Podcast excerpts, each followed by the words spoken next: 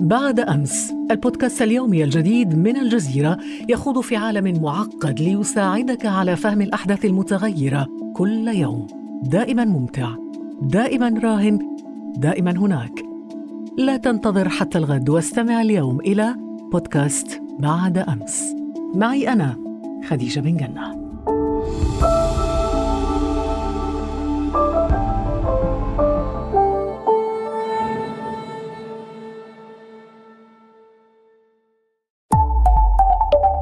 الجزيرة بودكاست. ارتكزت هذه الحلقة إلى البحث في المراجع والمصادر الموثوق بها وكتبت بضمير المتكلم لمقتضيات العمل الدرامي.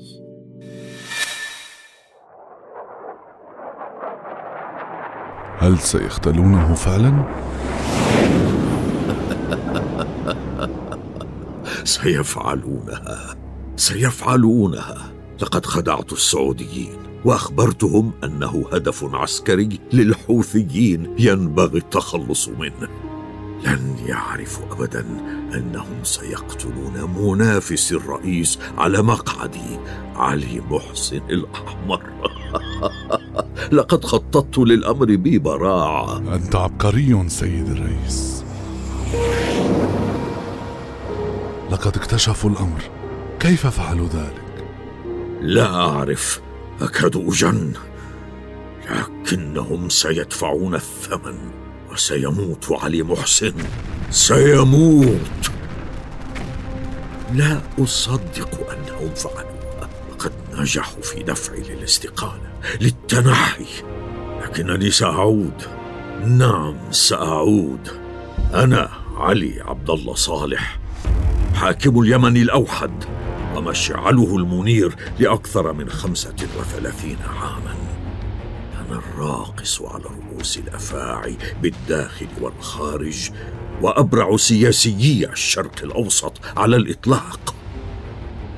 لعبت بالأوراق اليمنية والعربية وكنت رقما صعبا في المعادلة الخليجية وأدرت لعبة التحالفات ومواجهة الخصوم في إدارة بلد ممزق. يتغلغل فيه الفقر وتنهشه القبائلية والأزمات. أنا صالح قائد لبلادي لن يتكرر. ليس لي حلفاء دائمون أو أعداء دائمون ابدا. أغير جلدي ببراعه دعمت السعوديين ثم عاديتهم وأيدت صدام حسين أثناء غزوه للكويت. ثم عدت فتحالفت معهم مرة أخرى. وتحالفت مع الإسلاميين داخل بلادي. ثم انقلبت عليهم. واحتضنت الحوثيين. ثم حاربتهم بضراوة. ثم دعمتهم ضد جيش نفسه. وعاونت أبناء عمومة قبائل حاشد. ثم انقلبت عليهم أيضا. حتى حياتي الاجتماعية لم تقل ثراء فتزوجت مرات عدة وأخرجت للعالم ستة عشر ابنا وبنتا عشر من الذكور وستا من الإناث. أقربهم لي ولدي الحبيب أحمد صالح. سيحمل تاريخ اليمن اسمي محفورا على رأس أروقة السلطة والخداع وألعاب الكراسي الموسيقية السياسية لبلدي إلى الأبد.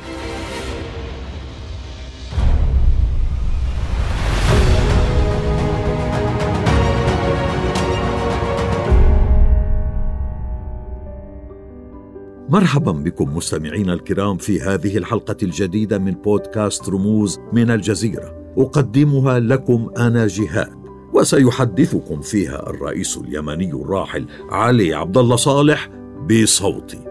وتصاحبني في الحلقة سيلينا لتكون صوتكم الحر. تساؤلاتي لك هي علامات استفهام لدى شباب اليمن وكل الشباب العربي. سأكون لسانا حرا صادقا لجيل يعيش الأثر الدامي الذي خلفته من ورائك. آه لم تكن نشأتي سهلة كانت نشأة فقيرة و... وقاسية جدا. كبرت في قرية بيت الأحمر بمنطقة سنحان بمحافظة المفضلة صنعاء جنوب العاصمة. كانت أسرتي ريفية تقليدية فقيرة. تطلق والداي في سن مبكرة واضطررت للعمل لكسب قوتي منذ طفولتي. رعيت الأغنام وتلقيت تعليمي الأولي في مدرسة القرية. مدرسة صغيرة لتعليم القرآن والكتابة. لكني لم أستطع التحمل. لم يكن هذا طموحي منذ صغري. كنت قائدا بالفطرة وكنت أستمتع بجعل كلاب القرية تتشاجر عند إلقاء بقايا الطعام لها. ومن شدة عشقي لهذه اللعبة طبقتها في حياتي السياسية لاحقا. لكنني وعلى أي حال هربت من تلك الحياة القاسية وهربت من القرية ومن الفقر وسوء المعاملة التي أجدها تحت كل حجر فيها. كنت أعرف هدفي ولم يكن هناك أفضل من جيشنا الوطني.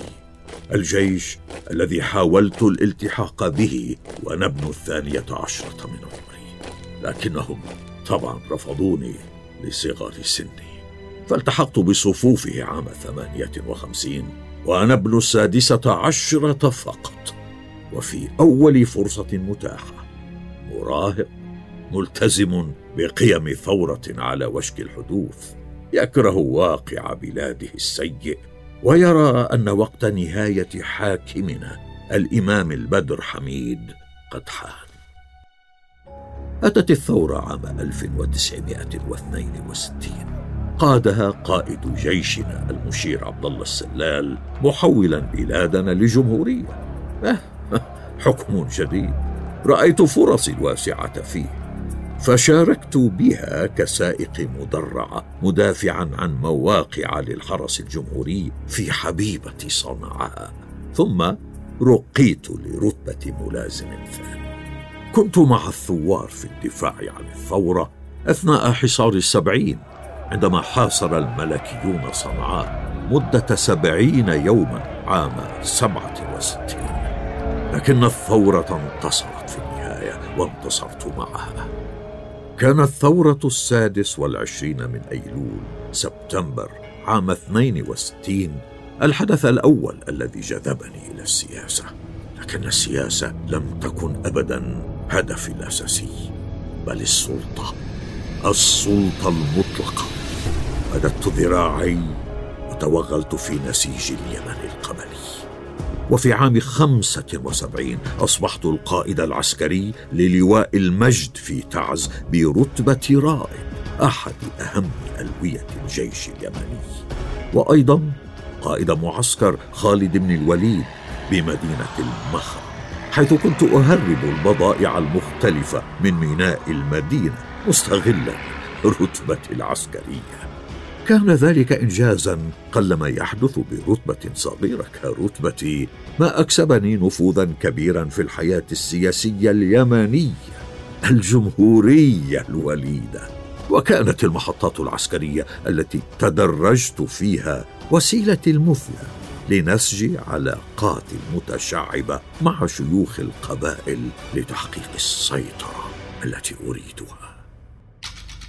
واصلت صعودي الصاروخي في سماء سلطة بلادي العاصفة ومرت سنوات قليلة وبلادي لا يستقر لها حال ولا رئيس فترى مقتل أحدهم تلو الآخر. وفي عشرة شهور فقط قتل ثلاثة رؤساء في ظروف ربما لا أعلم عنها شيئا كالأغلب وربما أعلم. قتل إبراهيم الحمدي بمساعدة أحمد الغشمي الذي لم يصمد هو الآخر قبل أن يغتال بتفجير حقيبة مفخخة. وبعد أقل من شهر من مقتل الغشمي وفي السابع عشر من يوليو تموز عام 78 تنحى عبد الكريم الغشمي من الرئاسة المؤقتة وانتخبني مجلس الرئاسة رئيسا لليمن وقائدا للقوات المسلحة برتبة مقدم. وكانت حجتي في صعودي للرئاسة. الانتقام لمقتل صديقي الرئيس الغشمي. كل ذلك وأنا في السادسة والثلاثين من العمر فقط. لم يتوقع أحد استمراري أكثر من الذين سبقوني. ولم يرى أحد في الغرب أكانوا لي أصدقاء أو أعداء. أنني سأستمر لأكثر من بضعة أسابيع في الحكم قبل اغتيالي أو نسفي. لكنني أثبتت خطأهم جميعا. أثبتت خطأهم لأكثر من ثلاثة وثلاثين عاما كاملة لم أستلم سلطتي في ظروف سلسة بأي حال وكانت المناطق الوسطى تشهد تمردا مسلحا تسانده سلطة جنوب بلادي. وقد دبر لي خصومي المؤيدون للحمد والمدعومون من مصر وليبيا بقيادة محمد فلاح انقلابا يطيح بي في نوفمبر تشرين الثاني من عام 1979 بعد عام واحد من حكمي. سحقت سحقتهم جميعا وأعدمت عشرات منهم باستحقاق. هكذا إذا بدأت التأسيس لحكمك الدكتاتوري والعائلي بالإعدامات والتصفيات. كان من الخطأ الشديد أن أترك خصومي وخصوم البلاد أحياء. كنا في نظام جمهوري حديث أقمناه على أنقاض القبائلية والتشرذم اليمني.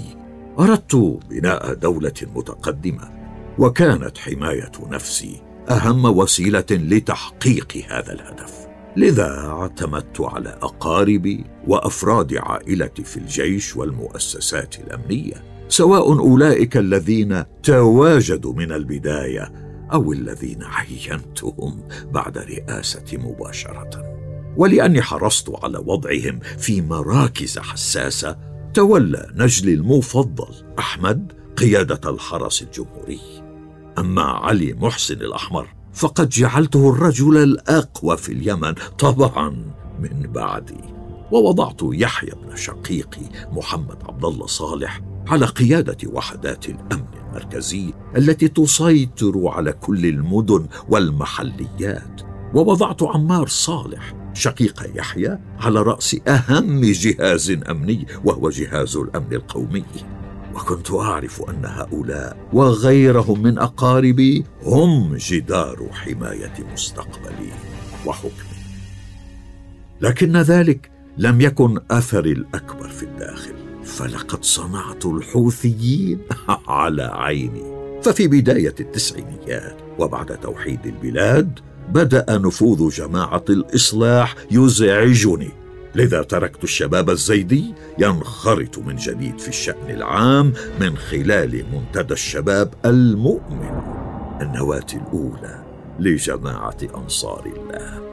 سهلت لهم النشاطات السياسية والاجتماعية ووفرت لهم دعما ماليا كبيرا في مواجهة السلفيين الغاضبين من دعمي وقتها للعراق. ولم أكن غافلا عن نشاطات شباب المنتدى العسكريه وتدريباتهم لكنني راغبت في إيجاد مكون مسلح موازن لنفوذ الإصلاح يستطيع مساعدتي إن حاولوا الانقلاب علي. وكما كنت بارعا في الداخل بارعت في إرضاء الخارج أيضا. نسجت علاقات مع قوى عربية ودولية في ظل تركيبة معقدة من الأحزاب والحركات الوطنية والإسلاميين والقبائل في الداخل. فحاولت أن أكون صديقا للسعودية والعراق معا ومددت يدي لواشنطن والصين بل وكوريا الشمالية التي استوردت منها ترسانة صاروخية في الوقت نفسه. منذ البداية كان اليمن عرضة للحروب والأزمات. فقد استمر الصراع مع الماركسيين عن طريق الجبهة الوطنية أو حروب المناطق الوسطى. التي استمرت حتى مطلع الثمانينيات التي ساعد في إخمادها الإسلاميون حين أوهمتهم أنني سأكون حليفهم في عام 1990 أنجزت الوحده بعد عشرات الأعوام من الانقسام والتوترات والنزاعات بين أبناء البلد الواحد. إنه من أهم إنجازاتي. ثم أتت حرب الخليج عام 91 ضد العراق بعد غزوه الكويت. فكان موقفي مؤيدا للرئيس صدام حسين رغم أن الكويت كانت من أكبر الداعمين التنمويين لليمن حينها. وكانت حجتي أنه كيف لا يمكنني أن أقف مع العرب والعراق في وجه هذا الغزو الأجنبي السافر. لم أقف مع رفيقي صدام حسين. بل مع العرب والعروبه ومع الكرامة. فاتخذت السعودية والكويت والدول الخليجية مني موقفا عدوانيا وبدأوا ضغوطهم على اليمن. فبات الوضع في البلد خارقا. وعندما عاد الجنوبيون بقيادة الحزب الاشتراكي إلى إثارة الانقسام في عام 1994 وبادروا إلى حرب أهلية وقفت الرياض مع علي سالم البيض خصم الرئيس بسبب حقدها التاريخي على اليمن. لا لا لم أبدل البندقية من كتف إلى كتف كما يتهمني بعضهم. كان همي الأساس حماية اليمن وتوفير سبل الدعم له. ولا تهمني الاتهامات المعلبة الجاهزة بل كل ما أبغيه هو الاستفادة من كل التحالفات مهما بدت متقلبة وغريبه أمامكم وذلك لحماية بلدنا وشعبنا المعطاء. العلاقات بين الدول وفي السياسة لا ترحم الخاسرين والمنكفئين لذلك سأبقى مبادرا سباقا أمد يدي للولايات المتحدة في مواجهة الإرهاب وأعيد صنع مساحة مشتركة مع السعودية بعد فترة من التقلب. أراهن على العراق في عز صعوده وهيبته مع صدام حسين. لكنني لا أتحجر وأنكفئ في حال اقترب الخطر مني. لكن لم يكن همك سمعة بلدك التي لطخ اسمها بالإرهاب. كان همك تمرير ألاعيبك وكسب ثقه وأموال واشنطن فقط. لقد لعبت على ثعابين الحركات الإرهابية وابتزاز الولايات المتحدة بها. أريد أن تكون واشنطن إلى جانبنا. اليمن بحاجة إلى أموال وغطاء دولي ولم يكن هناك وسيلة من جلب الدولارات أسرع من تلك الوسيلة. كما أننا لا نرضى بأن تكون القاعدة. تتصرف في اليمن كما يحلو لها. يجب أن يشكرني اليمنيون لا أن يوجهوا إلي الانتقاد على هذه النقطة. بتنا شركاء مع الولايات المتحدة في محاربة الإرهاب. ولنكن حاذقين ونوظف العلاقات العربية مع الدول الفاعلة في سبيل مصلحتنا. في المقابل حصلت من واشنطن على دعم اقتصادي أمريكي إضافة إلى ما قام به مدربون أمريكيون بتدريب قوات يمنية خاصة وتقديم الدعم لها في مكافحة الجماعات الإرهابية. كنت أدير ببراعة التوازنات وأوظفها لمصلحة بلدي وشعبي. ولم انسى أن أوظف هذا الأمر في خدمة مصالحي الشخصية بزيادة التناقضات والصراعات لأبقى ممسكا بخيوط اللعبة وتلميع أبنائي واقاربي الممسكين بتلابيب الأجهزة العسكرية والأمنية كأحمد ويحيى وطارق وعمار. استمريت بأسلوبك العائلي في الحكم وبدأت تعد التوريث لابنك أحمد بعدما جوفت الديمقراطية بانتخاباتك المزورة والشكلية. ألم تحسب حساب الشعب؟ ألم تحسب حساب الثورة على الظالمين يا صالح؟ تتهمونني زورا وبهتانا. لقد ساهمت في تأسيس تعددية سياسية لأنني بعيد عن منطق التوريث والعائلة. وكي أصنع قاعدة متينه لحكمي وسلطتي من خلال الترأس لحزب المؤتمر الشعبي العام. لكن في الحقيقة لم يكن هذا الحزب سوى امتداد لشخصي من دون أي منطلقات فكرية أو عقائدية. وقد بنينا من خلاله تحالفا مع حزب التجمع اليمني للإصلاح ذي المرجعية الإسلامية. تمكنت من ترسيخ وجوده في الحياة السياسية ومحاربة المنافسين حتى استتب له الأمر خصوصا بعد انتخابات عام 97 لكنني أدخلت الانتخابات إلى الثقافة السياسية اليمنية أو قبلت بها مرغما. فقد نظمت انتخابات نيابية في عام 93 نال فيها حزبي المرتبة الأولى. وتبعه حزب الإصلاح الإسلامي والحزب الاشتراكي الآتي من التجربة الجنوبية. لكن ماذا أفعل للجنوبيين الذين رفضوا النتيجة وعملوا على التحريض من أجل إعادة الاقتتال والوصول إلى الحرب الداخلية بين الشمال والجنوب عام 94 التي حسمتها لصالحي؟ نعم حسمتها لصالحي بمساعدة الإسلاميين مجددا. بعد ذلك بثلاث سنوات نظمت انتخابات للمرة الثانية وكانت مناسبة لتأكيد قبضتي على الحكم. لقد نال حزبي 62% من المقاعد والحزب الاشتراكي خاف على افتضاح شعبيته فقاطع. ولكي أصنع واجهة لشرعيتي عملت على تنظيم انتخابات رئاسية في عام 99 نافسني فيها نجيب قحطان الشعبي فقط مرشح واحد وشارك في الانتخابات نحو 67% من إجمالي نسبة الناخبين ما هذه النتيجة الباهرة؟ ما هذه النتيجة الباهرة؟ لقد اكتسحت الصناديق بعدما نلت ستة وتسعين فاصل اثنين من المقترعين الحمد الحمد لله. كرست الدكتاتورية تقصد. وها أنت تكرس الوراثة السياسية مع ابنك أحمد. أحمد؟ أحمد انخرط في صفوف الجيش قائدا للحرس الجمهوري فهل من العدل أن أمنعه أو أقف في وجهه؟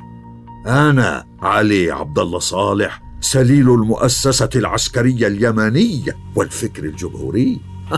أنا الوحيد الذي بادرت إلى تنظيم انتخابات تعددية للمرة الأولى في تاريخ اليمن ومهدت الطريق أمام ديمقراطية تمثيلية تشارك فيها الأحزاب والقبائل والحركات الإسلامية. لكن أنا أنا لا أثق بأي كان. وابني أحمد قد أثبت جدارته في الدفاع عن الوطن وخدمة المؤسسة العسكرية. أنت كاذب مخادع. كيف لك أن تدعي أنك تبادر إلى تكريس التعددية وتفتح الطريق إلى الديمقراطية؟ وقد عملت المستحيل لإخماد الثورة الشبابية بالعنف وإطلاق النيران ومحاولة التلاعب بالتناقضات كعادتك. تلك التظاهرات التي انطلقت ضدي. لم تكن تهدف سوى إلى إغراق البلاد بالفوضى. مجموعة من الفوضويين يريدون إزاحتي. لا لن أتنازل لهم وسوف أدافع عن سلطتي بشتى الوسائل. ما يسمونه بالربيع العربي هذا. هو ربيع صهيوني. الربيع الذي تريد إسرائيل زرعه في بلدنا وفي الدول الشقيقة. كل فكرهم يقوم على الفوضى والضجيج والترهيب والتهويل لترويع الناس وسرقة سكينتهم وأمنهم. هم أعداء ثورة سبتمبر 62 التي اندلعت ضد الامامه في شمال اليمن وثورة أكتوبر 63 التي قامت ضد الاستعمار البريطاني. هم أعداء وحدة اليمن في عام 1990 من قال إن التصعلك ثورة؟ احذروا! احذروا إن الوصول إلى السلطة عبر انقلابات سيؤدي إلى حرب أهلية في البلاد. لقد قاومت مخططاتهم طويلا وحاولت تطويقهم وتحجيمهم لكن ها هي الضغوط تزداد علي من الداخل والخارج. اضطررت للتفاوض وقد وقعت اتفاقا لتسليم السلطة في عام 2012 منحني فيه مجلس النواب الحصانة المطلوبة. وبات عبد رب منصور هادي رئيسا انتقاليا لليمن لعامين. آه كم هو مؤلم أن أغادر السلطة والحوثيون ألا تشاركهم المسؤولية في تدمير اليمن بعدما حاولت الرقص معهم على رؤوس الثعابين؟ حاربتهم ثم اعتقدت أنك أذكى منهم. حاولت استغلالهم والتحالف معهم ثم الانقلاب عليهم فكانت بداية النهاية. ما هذه الترهات؟ أنا حملت لواء محاربة المتمردين الحوثيين في ست جولات من الاشتباكات ولم أفرط بالدولة. بل حميتها حميتها بأشفار العيون مع رفاقي ورجالي في المؤسسة العسكرية.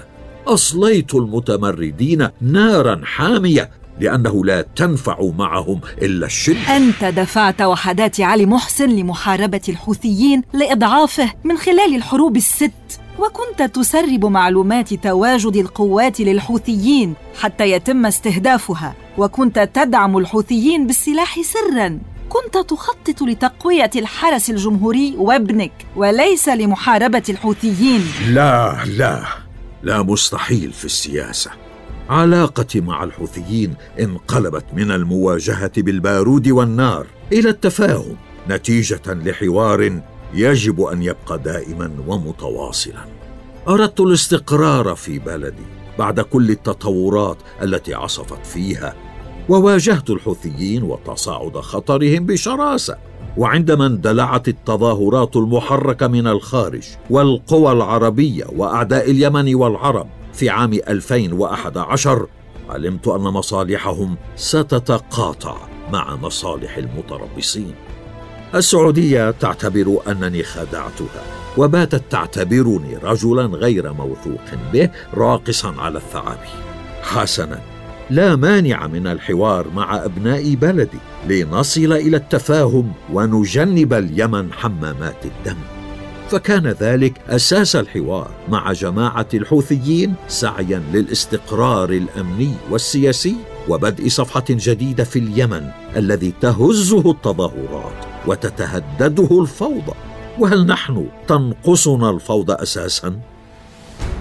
لم أدري أنني كنت أحفر قبري لم أدري أنها رقصة الثعبان الأخيرة كما يقول المثل اليمني نهاية المحنش للحنش. لعبت مع الثعابين فأتتك اللدغة الأخيرة منهم. كانت نواياي طيبة ولا أريد للسعودية أن تحقق حلمها التاريخي بالسيطرة على اليمن من خلال أدواتها. وقد أرسلت رسائل عدة إلى السعودية للتحالف لكنهم لم يردوا. وتجاهلوني. تعامل السعوديون معي باستعلاء وهذا ما لا يقبله علي عبد الله صالح حاكم اليمن لأكثر من ثلاثين عاما. لكن هؤلاء الحوثيون أتباع إيران يريدون التهام كل شيء والسيطرة الكاملة. لم يقبلوا الشراكة في السلطة. وأنا لا يمكنني أن أبقى خارج الإجماع العربي وأتفرج عليهم وهم يمزقون اليمن ويفرضون علي شروطهم. أنا أنا من يملي قواعد اللعبه وليس هم. هم مجرد كرت كما كان الإسلاميون من قبلهم مجرد كرت. لعبت به لتعميد حكمي. حاولت وصل منقطه وإعادة التركيبه التي صعدت من خلالها إلى السلطة وهي التحالف بين ركائز ثلاث هي السعودية والحركات الإسلامية وعلي محسن. لا أنا لن أنهي حياتي إلا بما تعهدت به لليمنيين وهو وحدة بلدهم وحفظ وحدتهم الوطنية. أنا لا أتخلى عن ثوابتي. ماذا هجوم من عصابات القتلة على موكبي؟ أين بندقيتك يا علي؟ أيها العسكري مت حرا ولا تكن ذليلا. آه. آه.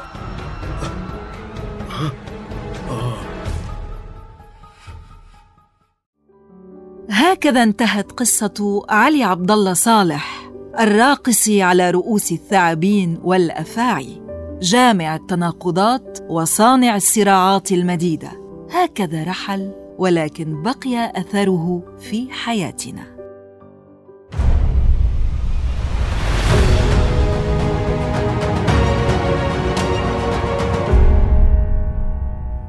وفي الحلقة التالية من بودكاست رموز سنتناول سيرة رمز آخر رحل وترك أثره في حياتنا. لا تفوتوا حلقتنا التالية يوم الأحد المقبل ويمكنكم الاستماع إلينا عبر Google Podcast أو Apple Podcast أو SoundCloud. فقط ابحثوا عن الجزيرة بودكاست. كما لا تنسوا مشاركة هذه الحلقة وزيارة موقعنا على الإنترنت podcast.aljazeera.net كان معكم جهاد وسيلينا من بودكاست رموز من الجزيرة. إلى اللقاء.